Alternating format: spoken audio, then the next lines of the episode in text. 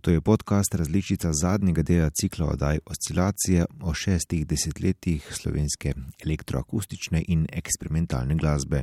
V podcastih poslušamo govorne dele oddaj, tokrat samega zaključka z zadnjo temo, po modularnih sintetizatorjih in poseganju v elektronska vezja smo se v oscilacijah na koncu posvetili še glasu kot prav posebni temi zlasti eksperimentalnih, a tudi elektroakustičnih zvočen. V fokusu boste tako glas in zvočna poezija v zadnjem desetletju domače ustvarjalnosti, no že tako na začetku pa moramo ugotoviti, da se s tema temama vračamo na začetek.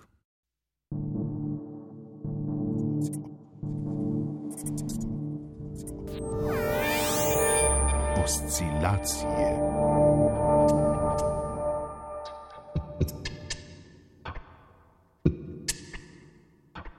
Ob uvodnih iskanjih vznika elektroakustične glasbe smo se do dobra posvetili vplivu fonografije, možnosti zvočnega zapisa, snemanja, ki je dobila v začetku 50-ih let pospešek za množično uporabo magnetofonskega traku. Če je bil Edisonov zgodni fonograf namenjen beleženju glasu in govora, je magnetofonski trak bolj enakovredno sprožil premik celotne kulture zvočnosti, a tudi premik v pojavnosti in razumevanju glasu. Zvočna poezija, starejši koncept, dobi pospešek prav s snemalno tehnologijo in magnetofonskim fiksiranjem.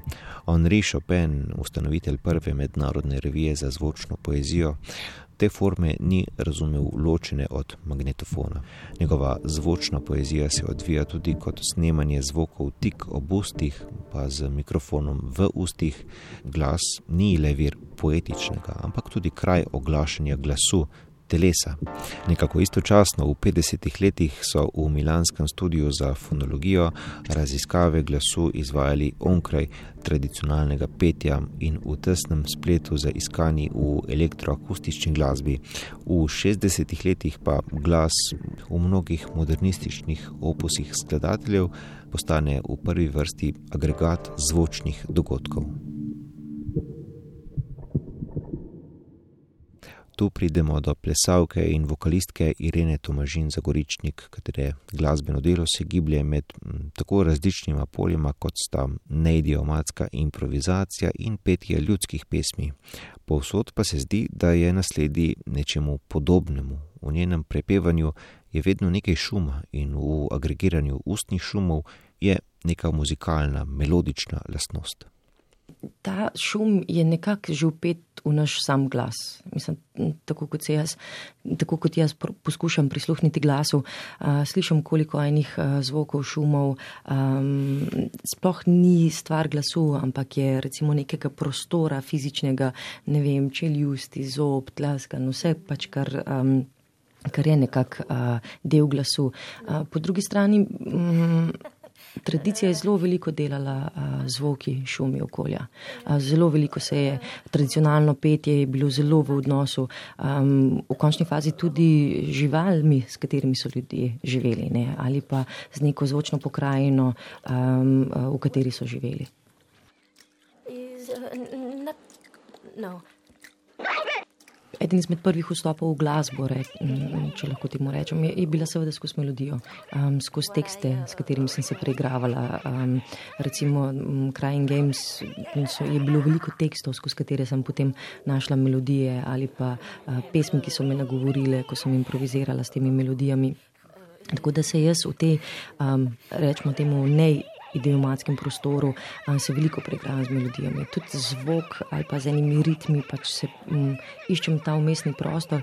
Um, se mi zdi pač poglavitno pri tem, da iščem, seveda se preigravam s tem, kar najdem, ampak tudi, da, da ne zapadem v neko idejo, idejo neidiomatske glasbe in jo potem na nek način uh, pač ponavljam. Ampak da znotraj tega probujem tudi um, razbiti in poiskati neke druge odnose svojimi glasovnimi eksperimenti se je Irena Tomažin elektroakustični glasbi, razen sodelovanj z drugimi ustvarjalci tega polja, najbolj približala z uporabo diktafonov, tako v živo kot na plošči Crying Games iz leta 2011. Enostavna gesta snemanja glasu. Pesmi, govora, pripovedi, vokalizacij, razširjenih glasovnih tehnik, pa na to sprožanja kaset na različne načine, naprej, vzvratno, z različnimi stopnjami pospešitev ali upočasnevanj, z različnimi prekinitvami, hkratnim predvajanjem več kaset. Vse to glasbo in njena zvočnost povsem približa fonografski sredici elektroakustične glasbe. Na nek način deluje kot vrnitev v osnovo konkretne glasbe. Ta se ne odseva le v montaži, ampak v samem ojačevanju glasu, njegove šumeče in hrupne narave, svoj šum pa seveda dodajo še naprave in obrabe trakov na kasetah. Jaz sem s tem zelo veliko rada uh, delala, še, še vedno rada pač počnem s tem. Na nek način mi prinese nek um, nostalgičen uh, občutek tega, kako se spomnim samo sebe. Pač prvi zvočni posnetki so bili prek uh, kaset, um, ampak. Uh, tudi seveda z večjimi diktafoni, s katerimi sem delala, je bilo več šuma zraven. Vsak diktafon je imel neko svojo barvo, um, hrupa, uh, na katere sem pač posnemala, uh, posnela svoje melodije. Sledi kratka, presunljiva pesem Nekaj v tebi, ki poveže celo verigo plasti in vidikov glasu. Sprva slišimo šume kazetofonov in grlenega glasu, sledi govor navznoter, ugovor, pa kašelj in težko dihanje, osrednji del pa je večslojna montaža. Sicer glasni, rezki napori glasu in škripanje so zloženi tako, da istočasno slišimo tudi mnogo tiši, prhutajoč šum ustnic in mimobežne trke v ustih. Poslušamo tudi govor, teoretsko meditacijo na povezavo diha in govora, v ozadju pa otožno, skoraj bluzovsko petje, temeljito intersubjektivno pesem glas jasno vstopa v stik s svojo telesnostjo. Ta stik pa je tudi razumsko reflektiran. Sloji kasetofonske kompozicije se zdijo kot nekako razpostavljena razgradnja glasovnega ozadja petja preproste pesmi.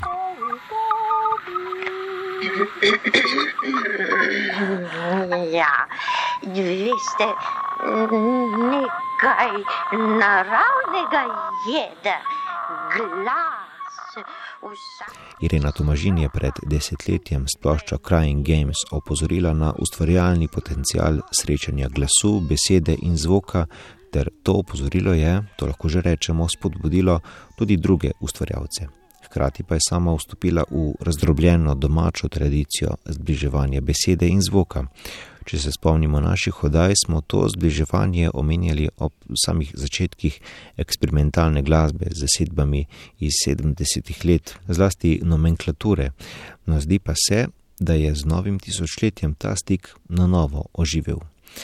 Omenjali smo tudi že improvizatorski duo Tilt Tomaža Groma in ta vrhovca Sambelca. Nismo pa omenjali, da je bil Tilt na prvi plošči zasedbe trio, ki je vključeval še pesnika Primoža Čučnika.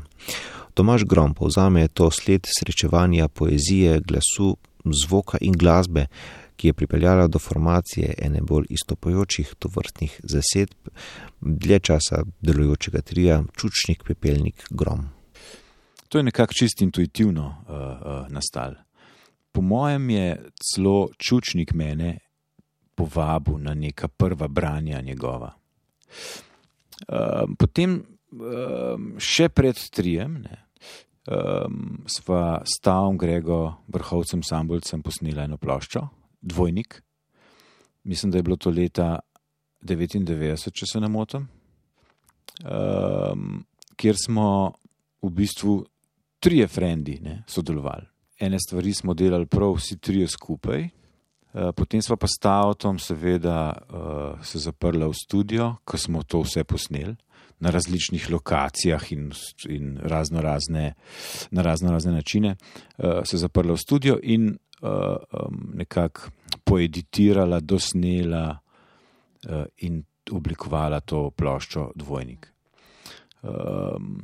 Potem je pa prišla še Ana Pepelnik zraven, ne, kot prvič špikrca na Radio Student, kot drugič pesnica in tretjič uh, partnerka od Primoža Čučnika. In tako je spet na Čučnikovo pobudo nastal v bistvu ta trione, CPG Impro smo temu rekli.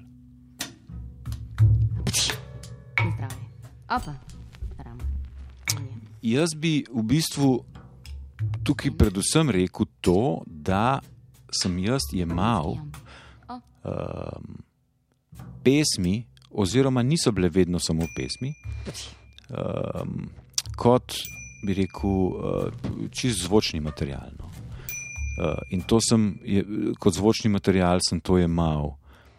Tako v improvizacijah, kot tudi na raznih snemanjah, kjer smo stvari ponavljali. Um, nisem se tako vsebinsko poglabljal. Uh, ko sem se udejstvoval v, glas, v glasbenem smislu. Ne. Vsebinsko sem pesmi nekako čist mimo uh, uh, glasbenih kontekstov uh, uh, predeloval. Bip.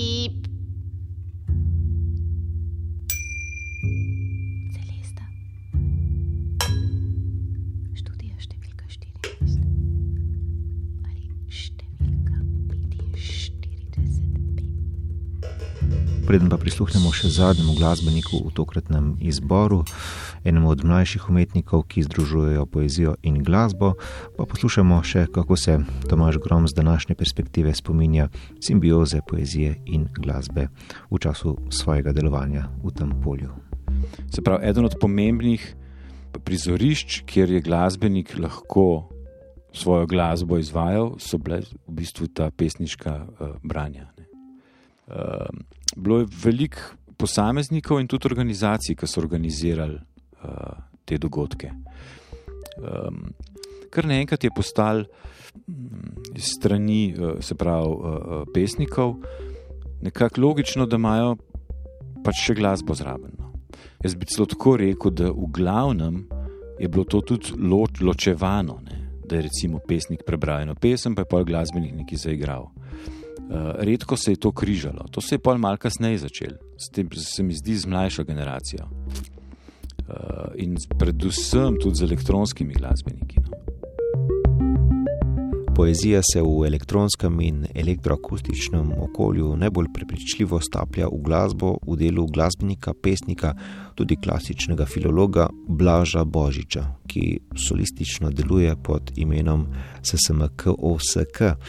Ta se pojavlja v širšem kontekstu srečevanj glasbe in poezije, v kontekstu dogodkov, kot so Mlade Rime, ali pa v kontekstu benda Ne vem, ne vem, v katerem se Božič kot kitarist pojavlja ob Stašu Vrenku, ki ga po terenskih snemanjih in delovanju na področju izdelave elektronskih zvočil ter modularnih sintetizatorjev omenjamo še v enem izrazitem ustvarjalnem polju.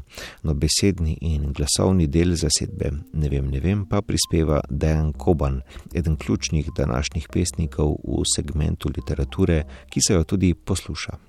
Vendar pa vstop v elektroakustični milje, ki ga označuje ime SSMK-OSK, v hrupne, razdrobljene, digitalne, sodobne ojačitve tehnik konkretne glasbe, pomeni tudi drugačno obravnavo poezije, ki iz besedilnosti tu lažje zleze v zvočnost. Blaž Božič razloži svoj glasbeni postopek in način upeljave poezije. Uh, zdaj, glede odločitve za združevanje poezije in glasbe, um, no, do tega sem prišel dosti spontano, uh, nisem se nekako zaustavil sploh tega vprašanja, uh, oziroma niti ne vem, kako, če bi to nujno opredelil za neko zvestno odločitev, uh, ker pač oboje je del neke moje siceršnje prakse. Uh, je pa res, da sem pesmi pisal že nekaj časa, preden sem se začel ukvarjati z glasbo. Ampak um, na koncu se mi zdi, da se to nekako povezuje bolj spontano, nekako logično, samo od sebe v tem smislu. Uh, je pa resno ta razlika med nekim bolj bendovskim pristopom, ki gre za neke tekste v smislu tega, če pravimo um, lyrics, kaj tasga. Uh, in, in to, da poezijo, recimo, oziroma posnetek poezijo obravnavam enako kot ostale vire, zvočne vire. Um, to je neka razlika, ki se mi zdaj kaže kot dosti pomembna, uh, se pravi, da se zavedam in me tudi zaposluje. Uh, v osnovi se nagibam bolj temu, da uporabljam poezijo kot enega izmed zvočnih virov, se pravi, nič drugače kot kakšen drug sample, ki ga bi uporabil. Um, nekako na ta način skušam seči onkraj neke, nekega nujnega semantičnega polja, kako začrtajo te pesmi same po sebi.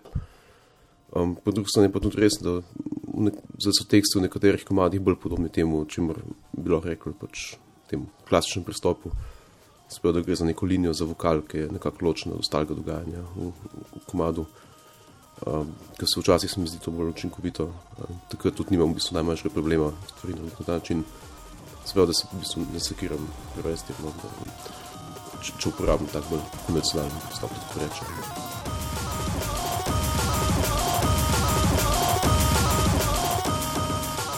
Eh, Zdaj, osnovni gradnik moje glasbe je sample, skoro pač osnovni pač postopek, ki ga uporabljam pri mm, skladanju, se doskrat veže pol na, na v bistvu te postopke, ki so povezani s sampling, tako da pač neko copy-paste, kolažiranje, montiranje. Te sample pa nekako skušam imeti iz čim širšega kroga virov, doskrat gre za neke popularne fonik variante, seveda, ne stvari, ki jih najdem na internetu, ali pa ki jih pač ripam iz starih kasetnih CD-jev. Dost pa tudi recimo, te stvari, ki so neke posnetke inštrumentov, no, to tudi delam posnamem v živo. To so predvsem neke stvari, ki se tičejo kitar. Zadnje čase na primer dosti uporabljam klasično kitaro, pa tudi pol, recimo, terenske posnetke, ki jih naredim zunaj, pa seveda pol posnetke, recitacije, poezije. A, to nekako vse naredim doma, posnamem doma, pa pa iz tega naredim skladbo, v bistvu to pol na računalniku. Uh, večinoma, ker v programskem okolju od deseti, uh, nekako bolj rudimentaren pristop, v tem smislu mi je bolj bliz. Uh, edino bite, pa bobne, to pač ponovadi programiram. Uh, so pa tudi, mislim, tudi doskrat bite naredim, tudi v bistvu samo iz samplov. Uh, včasih pa tudi uporabljam kakšne naprave uh, s modificiranimi vezi, spada circuit band, um, zadeve. To je nekaj, kar tudi splošno počnem rad. Pol na ta način lahko v bistvu tudi, mislim, na nastopu živo celoti izognem uporabi računalnika.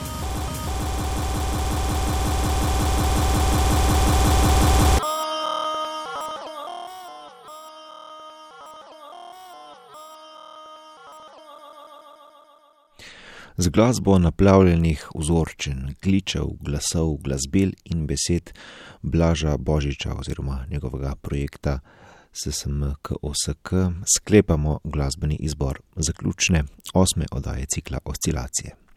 Zaključek pregleda šestih desetletij slovenske elektroakustične in eksperimentalne glasbe mora biti odprt, kot je za vsako zvočnost tega sveta odprta glasba, ki je takole zaključila cikl. Začeli smo ga v začetku 60-ih, ker smo iskali zgodnje sledi pojava elektroakustične glasbe, ne kot formiranega žanra, ampak kot posebnega odziva na možnost snemanja, zvočnega fiksiranja in na ta način spremenjenega ustvarjanja glasbe. Od Ramovševega snemanja radijskih frekvenc na mali magnetofon, mimo Darjana Božiča, njegovih mejnih poskusov med elektroakustično montažo, komorno glasbo in radijsko igro, njegovega zvočnega obdajanja literature, mimo Jezovška, njegovih podobnih radiofonskih poskusov, pa moduliranega godenja na gusle, smo se pomikali k zgodnim mojstrovinam, napravljenim v namenskih studijih. Občudovali smo Stibiljevo Maurico, Matičičevo kozmofonijo, poslušali smo ustvarjanje slovenskih skladateljev. V belgrajskem studiu, se spraševali o porajanjih glasbenega in zvočnega eksperimenta pri nas, orisali smo prve večje opuse elektroakustične glasbe Bora Turela in Marjana Šijanca, sledili rabi žive elektronike, poskusili smo premisliti stik elektroakustičnega skladanja in njegovo bližino žanrskim elektronskim muzikam, nakazali smo širino elektroakustične glasbe generacije, ki nastopi z novim tisočletjem in dve oddaji namenili izboru produkcije iz zadnjega desetletja. Tu se krok sklene. Irena Tomažin poseže po priročnih kasetofonih v podobni igrivi gesti, kot Primoš Ramovš ustvari konkretni študij s priročnim magnetofonom. Improvizatorji v iskanju spremenjenega zvoka pretikajo kable med moduli sintetizatorja, podobno kot tonska mojstra v belgrajskem studiu pretikata zatiče na razdelilni plošči Sintija 100 in zvočne kombinacije modulov ponujata gostujočima skladateljema iz Ljubljane. Janko je zavšek svoje gusle pošlje skozi modulator, podobno kot domen gnezda kitaro spelje skozi granulatorje in filtre. Darjan Božič ponudi sinusoiden zvočni ovoj Šalomonovi poeziji, podobno kot Blaž Božič svoje branje zasuje z najdenimi in odigranimi vzorci. Od Božiča do Božiča tako sledimo igrivi komunikaciji z načini dela z zvokom, ki jih v rabo ponuja spremenjena zvočna kultura našega sveta in našega časa.